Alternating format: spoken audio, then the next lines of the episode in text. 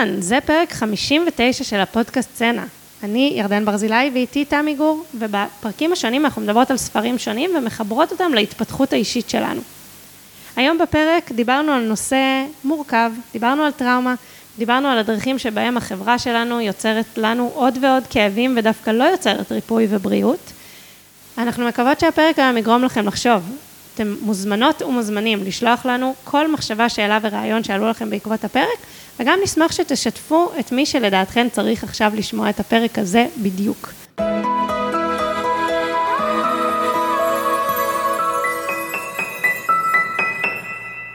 היי תמי. היי ירדן.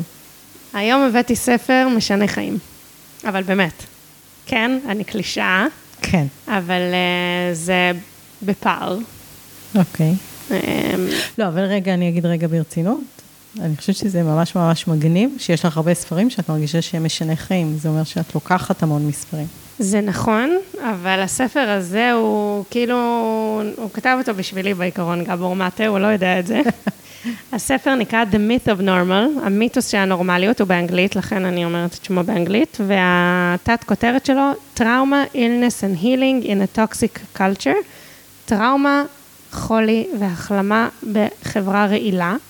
וכמו שאמרתי, כתב אותו דוקטור גבור מטה, שכתב את הספר בממלכת הרוחות הרעבות, שכבר דיברנו עליו כאן בפודקאסט. וואו, איפה להתחיל? אוקיי. אז הספר מדבר על החברה שלנו, אה, התרבות שכולנו חלק ממנה. רגע, אני חייבת לשתף את המאזינים. קודם כל, הספר הוא בעובי של בערך שלושה ספרים ממוצעים. 500 עמודים. ב', אה, כאילו אני עדה להתלבטות של ירדן, מה להביא ומאיפה להתחיל, ואזהרת טריגר, יכול להיות שיהיו פרקי המשך אה, בשביל להיכנס לעומק, אז נראה, נראה מה נצליח זה לא בפרק טריגר. אוקיי, אז את מכירה את המשל על הדגים, שהם אה, שני דגים צעירים שוחים בים והם פוגשים מולם אה, דג זקן, ואז הדג הזקן שואל אותם, איך המים היום? והם כזה מסתכלים אחד על השני, לא מבינים, ממשיכים לשחות, ואז אומרים לו, ואז אומרים אחד לשני, מה זה מים?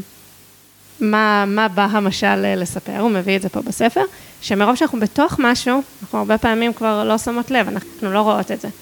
ובעצם אה, הספר מתאר איך החברה שלנו היא כזו שמרבה אה, טראומה וכאב נפשי, ולא מוכוונת ריפוי ובריאות נפש ובריאות הגוף. וכמה הדברים האלה זה בכלל לא דברים שאנחנו מודעות אליהם בהכרח.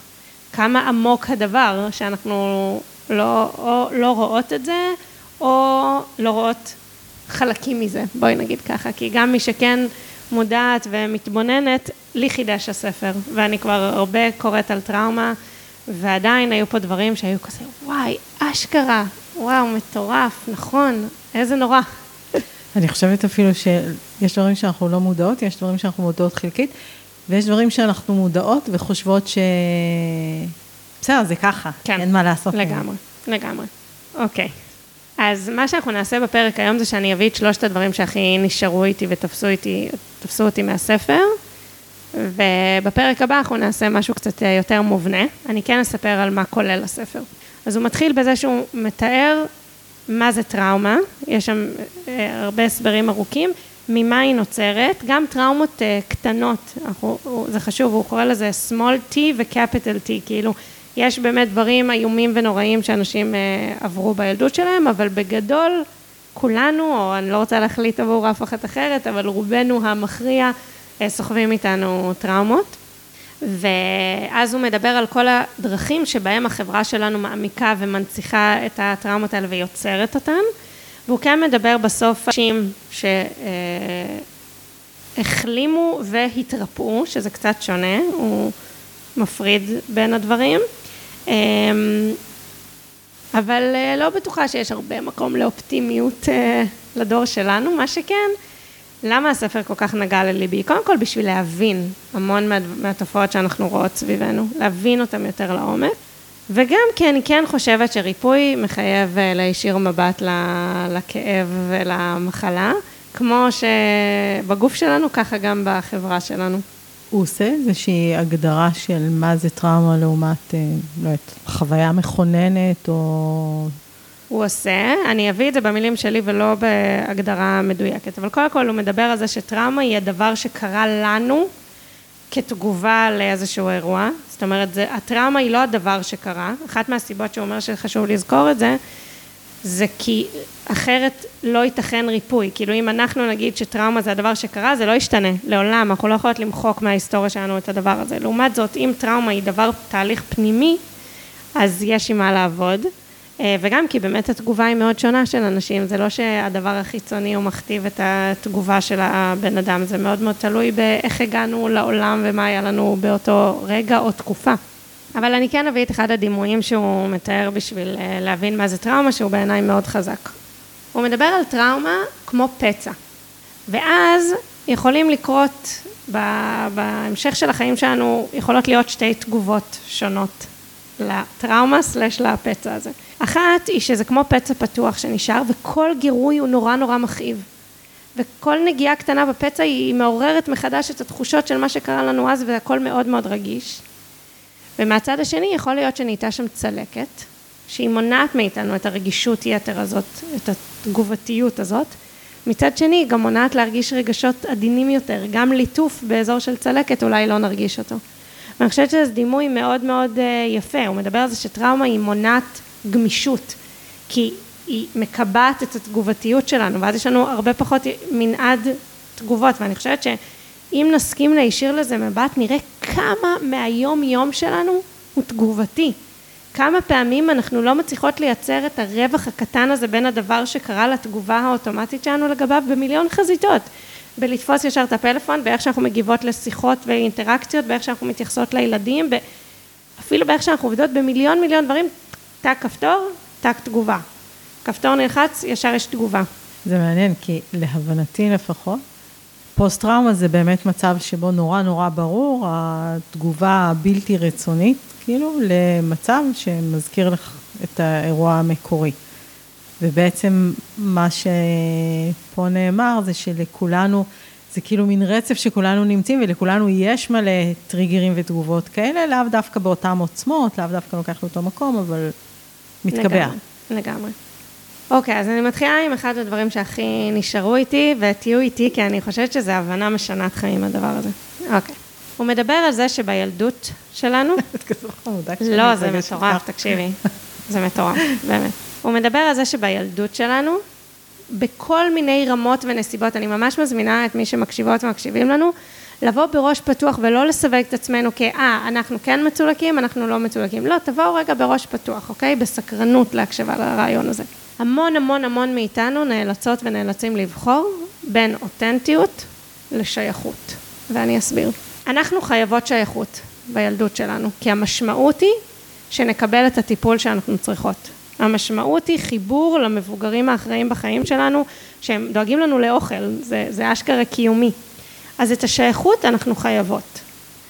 לפעמים קורה מצב שבו אם אנחנו אותנטיות, מתנהגות כפי שאנחנו מרגישות באותו רגע, מבטאות רגש, מביאות את עצמנו לידי ביטוי כמו שאנחנו, השייכות תיפגע. אם נגיד אני ילדה מאוד קולנית וכשאני צועקת אני חוטפת דחייה מההורים שלי, זה ברור מה אני צריכה לבחור. אני חייבת לבחור שייכות, כי המשמעות היא שזה מה שישמור על החיים שלי, זה הישרדות, זה אשכרה הישרדות. והדברים האלה מתקבעים. אם אני בתור אה, ילדה רוצה אה, לשתף במשהו קשה שעברתי, חס וחלילה, ואם אני משתפת בזה, אומרים לי, לא, לא, את אה, תסתירי את זה, זה מבייש אותך, את החברה שלנו, את הקהילה שאנחנו משתייכים אליה, את הבן אדם שעשה לך את הדבר הזה, תשתיקי את זה. אני לומדת מזה שביטוי אותנטי של עצמי, משמעו חשש לאבד את הקשר ההורי הזה או עם המבוגרים האחרים בחיים שלי, ואני לומדת לשתוק. ולכולנו יש אירועים כאלה בחיים, לכולנו יש רגעים כאלה, אפילו לא מעטים, כי טראומה היא דבר שעובר מדור לדור, כבר נגיד על זה עוד קצת, ואז זה מתקבע אצלנו, ההבנה הזאת, שעדיף לנו לשלם מחיר באותנטיות שלנו, כדי לשמור על השייכות שלנו. זה מתקבע חזק, זה מתקבע ביולוגית, זה לא כאילו איזה משהו חצי פסיכולוגי כזה שאפשר לשחרר בקלות, לא. זה עמוק נורא. תסתכלי סביבך, כמה אנשים מבוגרים עושים דברים שהם לא הרצונות האותנטיים שלהם, נשים שמתקשות להציב גבולות, שעושות למרות שהן לא רוצות, שלא עושות את מה שהן כן רוצות, בתור אנשים מבוגרים. כי התחושה הזאת שזה הישרדות, ושאנחנו עכשיו צריכות לבחור בין אותנטיות לבין שייכות, כל כך חזקה. תחשבי איזה דבר מטורף זה. כאילו, קודם כל זה להבין את החוכמה של הגוף והנפש שלנו, איך הם שמרו על, על הקיום שלנו, זה דבר מטורף להבין אותו. את מבינה את החוכמה של המנגנון הזה שלימד אותנו? למה של הגוף? אמרת החוכמה של הגוף והנפש. כי למה היום בתור בן אדם מבוגר עדיין יש לי את הטריגרים האלה? די, ההורים שלי כבר לא צריכים אה, לתת לי אוכל. זה הגוף שלנו למד להעלות אצלנו את הקורטיזול, את רמת הסטרס. כשאנחנו קרובות להתנהגות שהיא ביטוי אותנטי שבעבר שילמנו עליו מחיר, דיברנו על זה כבר בכמה פרקים אחרים, כי זה לא פעם ראשונה שאני מסתכלת על העולמות של טראומה בסקרנות עזה, להבין כמה הם מנהלים אותנו. מה קשור עכשיו סטרס מלהגיד ללקוח אה, שאני רוצה אלפיים שקל במקום אלף שקל? מה קשור? איזה דבר קיומי קורה פה עכשיו? איזה סכנה של שייכות יש לי? ה-Worst case, וכולנו יודעות את זה בראש, זה שהוא יגיד לא, והלקוח ילך, אבל זה הכל בסדר, כי אני אשכרה רוצה אלפיים שקל, ואם זה לא מתאים לו, אז זה לא מתאים. אז למה זה כל כך קשה? כי מתישהו, כשאנחנו אמרנו אלפיים שקל כביטוי, כשאנחנו הבאנו את עצמנו לידי ביטוי, הצבנו את הגבול שלנו, או אמרנו מה אנחנו רוצות, שילמנו על זה מחיר, נראה היה שנשלם על זה מחיר. את יודעת, זה לא תמיד שבאמת ההורים שלי אשכרה מנעו ממני אוכל, כי ברור. התפשטתי במקום ציבורי. אבל העיניים שלהם שידרו לי, את עכשיו בוחרת. את עכשיו בוחרת בין אותנטיות לשייכות. אם את ממשיכה עם הדבר הזה, כמו שאת רוצה, אנחנו נסלוד ממך, ניגאל ממך, נדחה אותך. והביולוגיה אמרה לי, וואו, וואו, וואו, וואו, הדליקה נורה אדומה ואמרה, עצרי, את צריכה לקבל אוכל, את צריכה לקבל אהבה. תלויה בדבר אגב, כן, תלויה בדבר ברוב הבתים בעולם היום. זה מעניין, אף פעם לא חשבתי על זה כך בקטע הישרדותי. מצד שני, אני שואלת את עצמי, איפה אבל באמת ה... כאילו, איפה ההבדל בין הטראומה לבין סוציאליזציה? בסוף צריכה גם להיות למידה של חיים עם אחרים, שהיא תכלול באמת קצת ויתורים, אבל מעניין איך אנחנו מזהים, ואני משערת שאנחנו גם טועים בזיהוי, בין משהו שהוא ללמוד לחיות בקבוצה, לבין משהו שהוא באמת טראומטי. אמ, יש הבדל נורא גדול בין הורה שרואה את ההתנהגות הזאת, נגיד שהיא לא תתקבל בחברה, לא יודעת, להתפשט בציבור, אוקיי? סתם כמשל. רואה את זה, מכיל, אוהב, לא מתנה את האהבה ומלמד, שזה דבר שפחות נהוג. וגם אז, תראי, מביא, יש פה קטע שלם נורא נורא קשה בספר, לי היה מאוד מאוד קשה, על אה, איך חינכו ילדים, כאילו ספרי חינוך שהיו בכל מקום, למשמע, ו- ובכוח, וזה, דברים, אני לא מדברת איתך על פרה-היסטוריה, אני מדברת איתך על לפני עשור שניים, כן? לא צריך ללכת כל כך רחוק. להציב גבולות, להיות נוקשים, למשמע, זה, מה זה שהילד יעשה מה שהוא רוצה? אוקיי, ועכשיו אני חייבת לעבור לדבר הבא. למה זה כל כך חשוב שנעשה מה שאנחנו רוצים? מי אמר שזה טוב? אולי באמת עדיף שנהיה בסוציאליזציה ונמשיך להתאים את עצמנו ולשמור על שייכות. הופה. פה באמת, היו בספר הזה דברים שחידשו לי. נגיד ה, ה, ככה הבהירות בין לבחור אותנטיות ושייכות ולהבין שהדבר הזה הולך איתנו עוד שנים אחרי זה וממשיך לנהל אותנו, חידש לי. אבל עכשיו מה שאני הולכת להגיד לך, אני באינטואיציה יודעת מהיום שנולדתי. נשבעת לך. ועכשיו קיבלתי הוכחה לזה ואני יכולה לצעוק את זה. כי כשאנחנו מדכאים את הרצונות שלנו ולא מביאים את עצמנו לידי ביטוי באופן אותנטי, אנחנו נהיות חולות מזה. ליטרלי, כמו שאמרתי לך, מחקרים, תקשיבי איזה מחקר מרתק. בארצות הברית, חולי ALS, יש אה, מחל, יש שם המון מחקר על מחלות אוטואימוניות, שזה מחלות שהגוף תוקף את עצמו, וממה שידוע היום מההיסטוריה של המחקר הרפואי, הם בשיא כל הזמנים, מחלות אוטואימוניות. בסוגריים, 70-80 אחוז מזה זה נשים. באמת? מטורף. למה? כי זה שלא מביאים לידי ביטוי אותנטי את עצמנו, שזה אומר לכעוס כשאני כועסת, להיות עצובה כשאני עצובה, להגיד את הרצונות שלי, לשמור על הגבולות שלי, להגיד מה לא מתאים לי, אנחנו אשכרה נהיות חולות מזה. ומה שרציתי להגיד על ה-ALS זה שהתחילו, עשו, זה היה א-פורמלי ואז זה הפך להיות ניסוי שבדקו שהצוות הרפואי היה יודע מי עם ALS לפי כמה הוא נחמד, הם היו יודעים לא, הוא, הוא בן אדם לא נחמד, אין לו ALS. כי זה אנשים, אה, הרבה מהאנשים שחולים לא ALS. לא הבנתי, על אותו סימפטום, על אותה, כאילו על אותה קבוצת סימפטומים, חלק מהדרך שלהם אה, בלי בדיקות לשער מה זה? ב-94 אחוז דיוק. וואו. כי אנשים שמדכאים את הצרכים שלהם בשביל לרצות החיים, שוב, יש בריצוי גם מנעד מאוד רחב, כי יש אנשים שאפילו לא שמים לב לצורך שלהם, ויש כאלה ששמים לב ומדכאים אותו. ה-ALSים, שוב, לא כולם, לא זה, כל כך נחמדים ונעימים, שהם אשכרה הצוות הרפואי היה מזהה לפי זה אנשים שהם כנראה לא חולים במחלה. את קולטת מה אני אומרת לך? לא, זה מדהים. זה, תקשיבי, שוב, אני, אני באינטואיציה, אני אומרת לך, אני מהילדות אומרת שאני עושה מה שבא לי, מקבלת מזה כל מיני הדהודים מהסביבה מסוגים שונים. טוב, אבל אה, בבגרות אי אפשר. מה? לא, טפו טפו טפו שזה אכן יהיה ניבוי לבריאות. בסדר, זה דבר מורכב בריאות, זה לא שאני חושבת שזה הדבר היחיד, אבל הוא ממש מדבר, הוא מביא פה בספר עשרות דוגמאות לתהליכי ריפוי של אנשים שזנחו את הדפוסים המרצים שלהם והחלימו. עכשיו, לא כולם החלימו, כן? זה לא שאני רוצה להגיד כאילו אינסטנט, לא, אבל ריפוי הם עברו. כי ההבדל בין החלמה לריפוי, שבהחלמה אנחנו מדברות הרבה, הוא מתייחס יותר לסימפטומים, ריפוי זה קצת כמו לחיות חיים מלאים או בלב שלם, ברנה בראון קוראת לזה, בקשב לעצמנו, זה להיות אותנטיים, וזה ממש מטורף, כי יש לי אובססיה לסיפור הזה של אותנטיות באמת שנים על שנים כבר, אבל לא ידעתי להגיד, וואי, זה אשכרה הבריאות שלנו, ידעתי להגיד שחיקה, ידעתי להגיד שלאורך זמן יש לזה בעיות אחרות, שנשים עוזבות מערכות יחסים ועושות, אה, דיברנו על זה, אבל ככה, שחור על גבי לבן, ריצוי על, על גווניו, אוקיי? זה לא, זה שוב, יש הרבה, גם אה, קורבנות היא, היא דפוס לא בריא, זאת אומרת, יש הרבה דפוסים לא בריאים. זה אשכרה גורם לסימפטומים בביולוגיה של הגוף שלנו. וואו. תעצרו, תחשבו על זה. כי זה ממשיך להבנה ש... וואי, זה באמת ספר מטורף. שבניגוד לתפיסה הרווחת במערכת הבריאות, או בוא נגיד כל הספר הזה יושב על ניגוד לתפיסה הרווחת במערכת הבריאות, אין ממש דבר כזה טריגר חיצוני למחלה. קולטת מה אני אומרת לך? אין ממש דבר כזה. לא למחלות נפש, לא למחלות אוטואימוניות, לא להמון המון המון המון מהדברים. מה זאת אומרת? המחלה היא ביטוי של גם הביולוגיה, בסדר, יכול להיות וירוס, כן? יכולה להיות הידבקות בווירוס, אבל גם של הנפש ושל מערכות היחסים שלנו. אפשר לחוות את מנעד הרגשות הקיים ולבטא את הרצונות שלנו. ומערכות היחסים שלנו הן לא בריאות, שוב, באותם מובנים דומים, שאני לא יכולה להיות אני בתוכם, אז שם יושבת, הביו, שם יושבת המחלה. זה, זה המחלה, במיקס הזה. הוא בכלל מדבר, טוב, רגע, אני... אגב, זה מאוד מתכתב עם התפיסה ההומואפתית.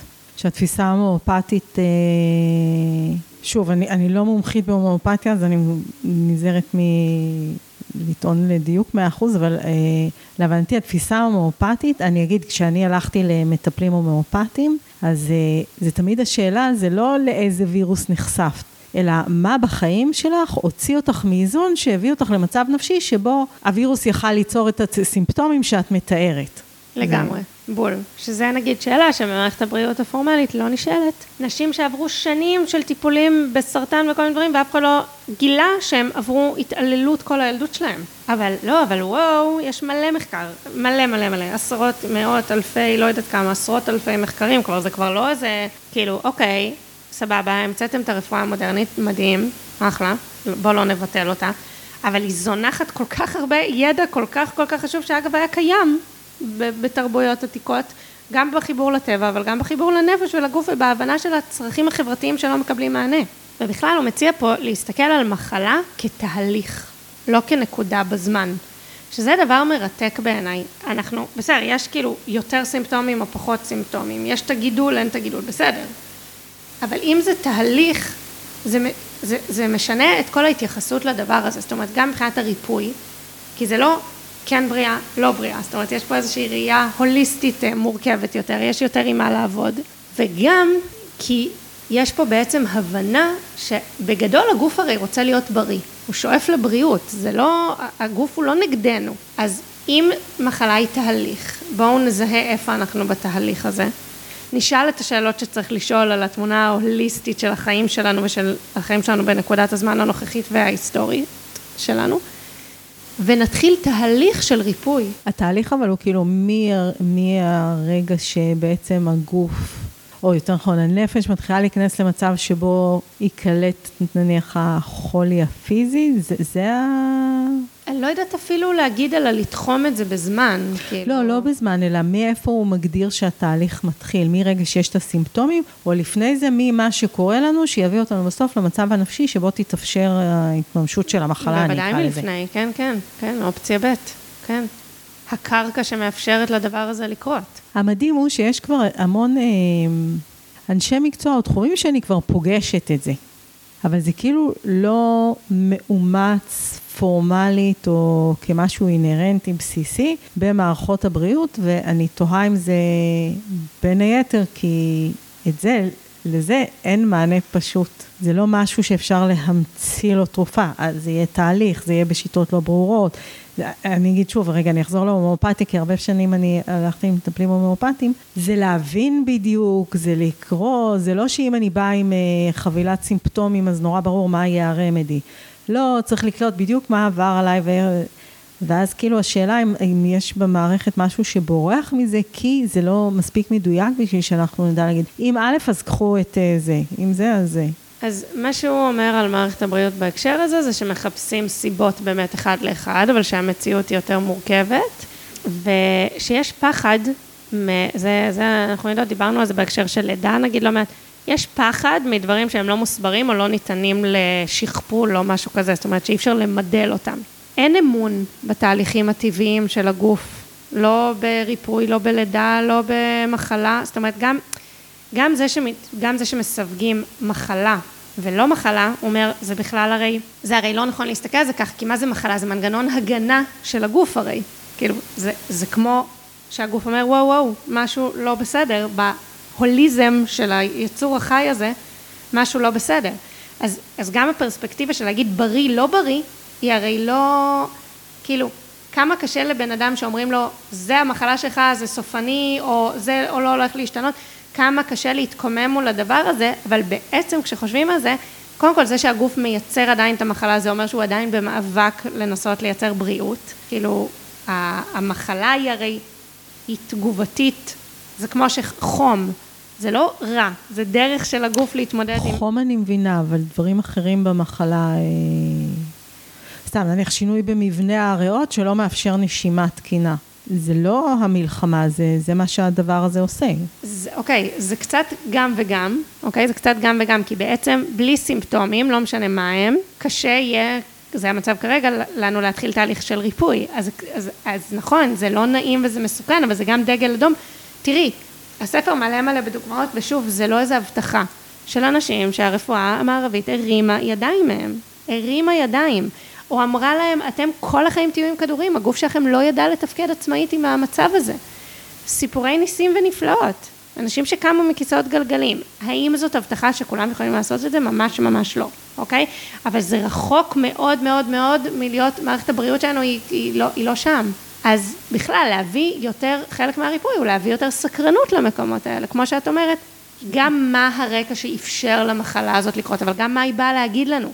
בספר אה, שדיברנו עליו של אה, קריסטין נורטרופ, דוקטור קריסטין נורטרופ של אה, גופה של אישה, תבונתה של אישה, אז היא מביאה גוף מחקרי ענק על הקשר בין הסימפטומים הגופניים לבין הרקע המנטלי שגרם לדבר הזה, המנטלי והחברתי, שוב, זה, זה, זה תמיד קשור, הנפש והחברה. אז יש המון חוכמה בגוף, כאילו, בוא, בוא נקשיב לו, כאילו זה אחד מהדברים החסרים. בתהליך הזה, לא רק במערכת הבריאות, גם ב... אנחנו עם עצמנו.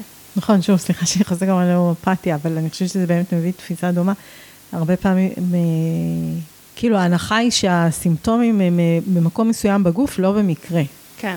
הסיבה שזה במקום הזה, היא קשורה למה שהביא אותי למצב לגמרי, של החוסר איזון. לגמרי, או... לגמרי, כן. אוקיי, אני עוברת לדבר נוסף שממש ממש תפס אותי, למרות שבאמת, ה... זה רשימה ארוכה. אחד מהסימפטומים של טראומה הוא ניתוק מגוף. דיסוציאציה כזאת, אבל כאילו ריחוק שלנו מהגוף של עצמנו. זה כל כך כואב להרגיש דברים מסוימים שהרגשנו, שאנחנו עושים ניתוק מהרגש ומהתחושות הגופניות. עכשיו, תקשיבי איזה דוגמה הוא מביא לזה. וואי, אין, זה, זה ממש האבא שלי, וואי, אשכרה.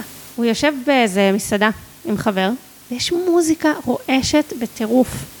והכל צבעוני ומקושקש כזה, ויש מלא סוגים של אוכל וזה. הכל נורא מתובל, והחבר הזה, הוא חוקר בעצמו, ואומר לו, כן, זה חברה טראומטית. כי הקהות הרגשית היא כל כך גבוהה, שסף הגירוי עולה בטירוף, אין, אין ניואנסים, אין רגשות עדינים. וככה נראית חברה מצולקת מטראומה. פתאום התחלתי לשים לב. הלכתי בזמן קריאת הספר, יום אחרי יום במקרה, לסרט, ויום אחריו להצגה אה, על אפגניסטן. יצא במקרה. ואלימות, וממש דברים נוראים. עכשיו מצד אחד, אוקיי, זה היה במציאות, אז כאילו אפשר להגיד שבשביל להיות אה, אקטיביסטית זה טוב לדעת מה קורה בעולם. מצד שני, אנשים אשכרה צורכים את זה כבידור. אנשים הולכים לסרט, שכל הסרט בו אנשים רוצחים אחד את השני כבידור.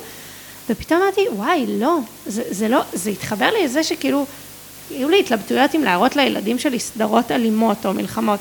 תשמעי, זה נורא קשה לא, כי כאילו 90 אחוז מהטלוויזיה מציגה דברים כאלה, אבל זה הסיפור, אנחנו בקיאות רגשית, אז אנחנו יכולים לראות את זה בלי שזה יגרום לנו לבכות בטירוף. במשך שנים הייתי בוכה נורא בסרטים ובספרים, ונדבר אומר לי, בסדר, זה לא אמיתי. עכשיו פה לא יכול היה להגיד לי את זה, כי זה אשכרה היה למלחמה באפגניסטן, אבל גם אם זה לא אמיתי, איך יכול להיות שלא נבכה? איך יכול להיות? ככה, בגלל שאנחנו מצולקים מטראומה ויש לנו קהות רגשית. איך יכול להיות שיש כל, כזאת התמק... כל כך הרבה התמכרויות? אותה סיבה, קהות רגשית, הרצון להתנתק מהרגשות העדינים האלה, זה כל כך כואב להיות שם. השמנת יתר, נגיד, שזה כל כך נפוץ, או התמכרות לעבודה, בכלל, יצירת עבודה כמקור סטרס, אנחנו חיים עם זה. כאילו כן, עבודה היא מכניסה סטרס. למה? בגלל הטראומה. בגלל שאנחנו מצויים בריחוק מהגוף ומהנפש שלנו ובקהות רגשית. וזה גלגל כזה, כאילו מצד אחד אנחנו לא רוצים להרגיש את הרגשות העדינים אז אנחנו בורחים ומייצרים גירויים חיצוניים שיסיחו את תשומת ליבנו מלהיות עם עצמנו בכאב הזה. מצד שני זה כבר מגביר גם את רף הגירוי. אני מקשיבה לך ואני אומרת, אוקיי, חלק אולי במקור זה טראומה, אבל חלק זה גם פשוט הסביבה שמייצרים לנו וכל הזמן מעלים לנו את סף הגירוי. למשל הייתה הסדרה הזו, משחקי הכס, אני לא יכולתי לראות, ואני מודה שגם אמרתי לכל מי שסביבי שניסה להסביר לי מה האיכות שלה, אמרתי, תקשיבו, אני לא מתווכחת עם האיכויות האלה כי אני לא ראיתי, אז אני לא יכולה להתווכח על משהו שלא ראיתי, אבל זה שאתם מסוגלים לשבת ולראות אונס ורצח ואכזריות מטורפת, ואתם פשוט יושבים מול זה, ולא נדרשים כל הזמן להסיט את העיניים ולהוריד את הווליום, זה בעיה, זה ממש בעיה, ומרגילים אותנו יותר ויותר להיות באדישות הרגשית הזו מול הדברים האלה. בהחלט, והוא מדבר באמת הרבה על הקפיטליזם, יש חלק שלם בספר שמדבר על המנועים של התרבות הזאת, הרי זה, זה מצד אחד זה ברור שאנשים שמייצרים עולמות שלמים של תוכן ושיווק וזה, ש, שהם מכאיבים, זה ברור שגם הם נושאים כאב, כן? זה לא ש... הספר הוא לא האשמה כלפי בן אדם, אבל המנגנון הוא איום ונורא. איום ונורא, כן. זה, זה, ממש... זה, גלגול, זה גלגל, כן, בדיוק. יש קהות רגשית, כי אנחנו בורחים מהטראומה, אז מנצלים את זה בשביל לעשות כסף, זה יוצר עוד יותר ניתוק וריחוק. המנגנונים האלה מזינים את עצמם. וגם הצדקה לכאורה. כי, כי כשאת תשאלי למה כזה אחוז גדול מכל מה שיש לראות בטלוויזיה, וזה לא משנה אם זה בנטפליקס או בערוצים או בזה, אז יגידו לך, כי זה מה שמוכר, כנראה שאנשים רוצים את זה. נכון. ואז לכאורה יש לזה איזושהי הצדקה. נכון. כן, מאוד, בעיניי זה נורא. אבל, קודם כל נכון, לא רוצה, לא רוצה להגיד אבל. הסיבה שרציתי להגיד אבל, היא זה נורא. התרבות שאנחנו חיות בה היא מגבירה סטרס, מגבירה חוסר אותנטיות וריחוק רגשי וחוסר ביטוי רגשי. ופוגעת מאוד בבריאות שלנו, שבואי נגיד בריאות, כי לא צריך להפריד בין נפש לזה, גם מחלות הנפש הן בעלייה מטורפת מטורפת, או לפחות שוב, ממה שידוע במחקרים, יכול להיות שזה גם לא נחקר מספיק, אבל יש מחקרים מפה ועד הודעה חדשה על הפרעות אכילה, על בדידות, על דיכאונות, דברים מאוד מאוד קשים שקורים בעשרות שנים האחרונות ורק הולכים ומתגברים עם תפוצת הטכנולוגיות ועוד ועוד אמצעים להגביר את ההתמכרויות שלנו. מצד שני, את גם מבינה למה אנשים עושים את זה. לא רק למה הם צורכים את זה, את גם מבינה את נטפליקס, את היוצרים של נטפליקס, את מבינה, הם לא ישנים טוב בלילה, אבל אף אחד לא ישן טוב בלילה, מבינה?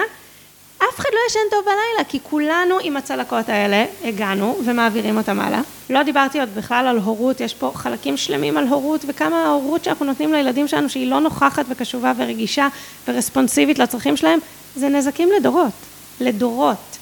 הסטרס שאנחנו חיים בו, שלא מאפשר לנו להיות בנוכחות פשוטה, אוהבת וטובה עם הילדים שלנו, עובר אליהם כסטרס, לא משנה כמה אנחנו אוהבים אותם וכמה כרטיסים ללונה פארק נקנה. זה, זה... יש פה שרשרת מאוד מאוד כואבת, שהדבר העיקרי שהספר הזה עושה עבורי, הוא להביט בה. זה לא חדש, שוב, אבל בניואנסים ובדיוקים וזה, זה כן חדש, וזה להישיר מבט, לא, לא, זה לא סבבה. זה לא סבבה. זה לא אומר שאני יכולה לייצר אה, פתאום בריאות נפש מוחלטת בתוך הבית שלי או עבור עצמי, לא, זה לא. אבל גם יש לי יותר חמלה כלפי עצמי, אוקיי? זה הקונטקסט שאני חיה בו. וגם אני כן חושבת שידע הוא משמעותי. הוא, הוא מחולל שינוי, איטי אולי, הוא לא בן יום, דיברנו על זה בדיוק לפני שהתחלנו להקליט, האם ברגע שאני יודעת משהו אני יכולה לשנות את כל ההתנהגות שלי? לא. אבל אני יכולה להיות בהדרגה מאוד מאוד מאוד איטית, גם לשנות דברים בהתנהגות שלי, גם להיות יותר בחמלה כלפי אנשים אחרים, ואני חושבת שיש משמעות ענקית להבנה של מנגנונים, להבנה של אנשים. זה, זה דבר ענק בעיניי. כאילו, ה... אני מאוד מסכימה איתך. אגב, השיח הפוליטי עכשיו, אני מבינה, אני מבינה למה אנשים עושים את מה שהם עושים. זה לא מקובל עליי, אני לא רוצה לחיות בחברה שעושה ככה וככה ומחוקקת חוקים מפלים, או מדכא אה, השמעת קול, זה לא החברה שאני רוצה לחיות בה, אבל אני מבינה למה הם עושים את זה. זה מנגנוני ההגנה שלהם, זה התוצר של הטראומה שלהם. לא ניכנס לזה. אה, אוקיי. לא, לא ניכנס לזה גם כי זה נושא גדול וגם כי... וזו אולי שאלה עקרונית, יש, וזה מתכתב עם מה שאת אומרת, שטראומה זה לא האירוע, אלא זה מה קורה לנו מולו, מה אנחנו עושים איתו, של עדיין... רגע, לא, לא, לא מה אנחנו עושים איתו. מה אנחנו עושים איתו זה קצת האשמת הקורבן נשמע. לא, לא, לא האשמת הקורבן, אבל בקטע של, כן, אני, זה, זה, מה שאמר, זה מה שאמרתי, כאילו, שאני לא אכנס לזה, כי יש דברים שאני יכולה להבין מה נניח ה... ה מה הסיבה שמביאה לחוויה שלהם או זה, עדיין יש פער בעיניי בין ה...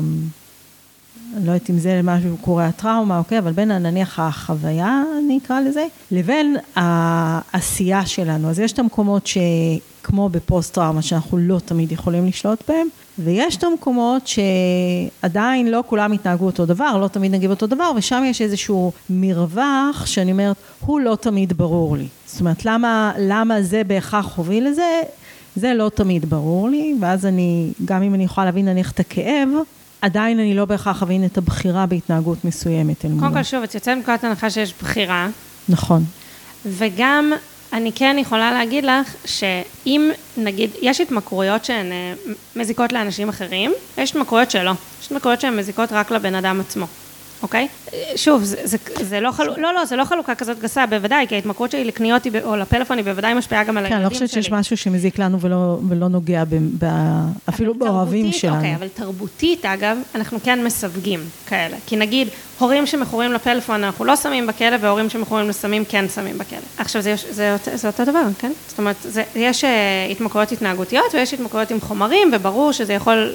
לא, בסדר, זה, זה אפשר... פישטתי רגע. אבל אני רוצה רגע את הפישוט הזה, כי אני רוצה להגיד, התגובה שלנו, של כל אחת מאיתנו לטראומה, היא אגב גם עניין של מזל, כי יש אנשים שנולדים עם אור עבה יותר נקרא לזה, נכון. ויש אנשים, ילדים נגיד מאוד רגישים, יש להם פוטנציאל הרבה יותר גבוה אחרי זה למחלות נפש ולהתמכרויות ולכל מיני סימפטומים נפשיים, כי המפגש שלהם עם העולם הוא קשה יותר. אבל אז זה ש, שאני במקרה, אני באמת תופסת את זה ככה, במקרה התגובה שלי לטראומות שלי היא להתמכר לקניות ולפלאפון שלי ולהתמכר לקניית ספרים נגיד, שוואו, איזה מהמם, אחלה התמכרות, נכון? יחסית במנעד, והתמכרות של מישהו אחר היא לאלימות, או התגובה של מישהו אחר לטראומה היא אלימות, אני באמת רואה בזה מזל, ואני כואבת את זה שאת יודעת, בכלא, את יודעת מה אחוז האנשים שיושבים בכלא שעברו התעללות בילדות? מה נגיד על זה? הם חארות ואני טובה כי אני מכורה לקניית ספרים והוא רצח מישהו? אני באמת לא רואה את זה ככה. אני חושבת שיש עלינו תפקיד כחברה להיות בחמלה. שוב, דיברנו על זה הרבה פעמים, גם להציב את הגבול, אבל אנחנו כאילו כל כך טובים, כאילו כל כך טובים בלהציב את הגבול, ויש לנו כלא, ויש ענישה, ומערכת משפטית, וזה, ואומרים לילדים, תעמוד בפינה, או תהיה בשקט, או זה. אבל אנחנו ממש ממש חלשים כחברה בצד השני, שהוא כל כך, כל כך, כל כך חשוב. בחמלה, בהבנה שכשמישהו מכאיב לעצמו ולאנשים אחרים זה כי כואב לו. כן. אני חושבת שזה קשור מאוד לפוליטיקה שלנו. אגב, הוא מביא פה איזה משהו מרתק. וואי, באמת, זה ספר מרתק. על זה שאנשים מצביעים במערכות בחירות, גם באופן שמושפע מאוד מהטראומות ילדות שלהם. אנשים ש... אני עושה פה חלוקה מאוד מאוד גסה, בסדר? אבל רק בשביל להבין את הקונספט, שאנשים שחוו הורות אה, אה, לא, לא, מג... לא מגוננת מספיק, נוטים להצביע לחזקים כאלה שאומרים להם... הגיוני. ואנשים שחוו אה, דווקא אולי הורות... אה, סמכותנית או, או כן מגוננת, אבל שלא נתנה מענה לצרכים אחרים, אז מצביעים יותר למנהיגים אה, רכים יותר שמוכנים לשאול שאלות. וואו, וואו, הטראומה וההשפעה שלה היא, היא בכל פיפס בחיים שלנו. כן, זה ברור לי, שזה יהיה בכל דבר. דבר אחרון לפרק הזה, מחלות נפש. בלימודי הגניקוסופיה שלמדתי, אז דיברו איתנו הרבה על זה שמחלות נפש הן בעצם... אה, הם בעצם מנגנון גאוני של הגוף לשמור על הבן אדם. זה דיכוי של היבטים מסוימים רגשיים, שמאפשר בריחה ממפגש שהוא כאב שהוא לא ניתן להכלה. עכשיו, למה זה מרתק? דבר ראשון, כי זה עוד פעם מצביע על החוכמה של היצור שאנחנו וכמה שווה להקשיב לו. זה גם מצמצם ריחוק, כאילו זה לא אני בריאה בנפשי, הוא חולה בנפשו, לא, זה הוא עבר דברים מסוימים שהביאו אותו לאיזשהו ביטוי של הגוף והנפש שלו בשביל להגן על עצמו, ואני לשמחתי לא, אבל כאילו זה הרבה יותר שם את כל הדבר הזה על סקאלה מאשר בחלוקה בריא חולה, כי באמת אחד הכאבים הכי גדולים בחברה שלנו זה הניתוק, כאילו, של, שלנו מעצמנו ושלנו מאנשים אחרים. למרות שיש מחלות שהן גם גנטיות תורשתיות. אה, את יכולה להגיד שהם התפרצו או לא התפרצו כן, אולי לפי... בדיוק, בדיוק. אוקיי. שוב, מה זה כל השיח הזה? הוא על המפגש של מי שאנחנו, איך שנולדנו, עם המציאות של החיים שלנו. תמיד מה שקורה לנו וכל הסיפור שלנו הוא על, הוא על המפגש הזה. הוא לא על הדבר שקרה בחוץ והוא לא על איך שנולדנו, הוא על החיבור הזה. כל התגובתיות שלנו בהמשך היא תהיה על המפגש הזה. אבל זה עושה עוד כל כך הרבה דברים. קודם כל, אה, זה מאפשר להסתכל על ריפוי בדרך אחרת, כי אם זה מנגנון הגנה, אז בואו נבין ממה זה מגן ונראה איך יוצרים ריפוי שם, שוב, עד כמה שאפשר. זה ברור שאי אפשר כל דבר בהכרח לפתור בחיים האלה, אבל זה גם לא השאיפה. השאיפה היא להסתכל גם על הריפוי כתהליך ולפחות להיות בו, בתהליך הזה. הוא, הוא מדבר, הוא מביא כל מיני דוגמאות לפסיכיאטרים שכבר שנים לא משתמשים ב-DSM, שזה ספר האבחנות, והוא מדבר על זה שהמון מהאבחנות הן מעגליות. אני אתן דוגמה שהיא לא נכונה, אבל סתם, נגיד אה, אישיות אה, קוטבית, זה אומר שהבן אדם יש לו התפרצויות אה, זעם ודיכאונות. אז, אז מה זה אומר שיש לבן אדם התפרצויות זעם ודיכאונות? שיש לו הפרעה דו-קוטבית. כאילו, זה, זה מזין את עצמו, אין פה כאילו, זה לא סימפטום, את מבינה? זה, זה כמו לא. מעגל. כאילו, אה, נגיד אה, סרטן, זה התרבות אה, לא פרופורציונלית ומהירה של תאים באזור מסוים בגוף. אבל אין פה, פשוט נתנו שם לסימפטום, את מבינה? זה לא עוזר, זה לא, אין לזה משמעות בריפוי. יכלו באותה מידה להגיד, לבן אדם הזה יש הייז ולואוז, לא היה צריך לתת לזה שם, את מבינה? אין, אין, אין, זה לא נותן עוד ערך בריפוי או בטיפול, זה נותן שוב ניסיון של הרפואה המערבית להכניס לתבניות ולהאחיד, במקום לראות את המנעד והשונות שיש בכל בן אדם, אז זה באמת גם אה, בדודה שלי שהיא פסיכולוגית אמרה לי בתגובה על זה שבאמת בעולמות של הפסיכולוגיה והפסיכיאטריה הרבה יותר נהוג היום כן להסתכל על הבן אדם כפרט ולא כהגדרה שהיא שוב לא בהכרח תורמת אפילו ל, לריפוי כי השונות היא כל כך גדולה, אבל בעיניי זה ממש ממש ממש פרספקטיבה משנת חיים, כאילו ההבנה שזה הכי בריא שהבן אדם כרגע יכול, ושזה טוב לו, כאילו עדיף לבן אדם הזה עכשיו להיות בדיכאון לצורך העניין. שוב, זה לא שזה לא הפיך, זה הפיך ואפשר לשנות ולעבוד עם זה, לא לבד אגב בהרבה מהמקרים, זה את בטוח אה, תסכימי איתי, אבל כל התפיסה של בריאות הנפש, כאילו לשים את כולנו על איזשהו מנעד בתוכה.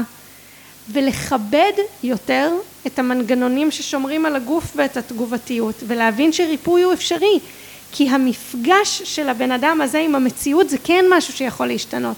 לא משנה מה הביולוגיה והסוציולוגיה והרקע ההיסטורי שלו במפגש הזה יש מקום לריפוי כי הוא כן דינמי.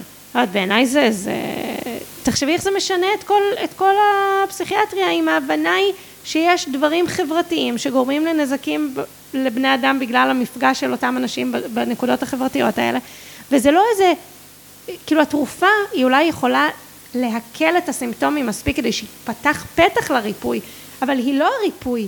כן, אני חושבת שבפסיכיאטריה אין... אה, זה לא שיח של ריפוי.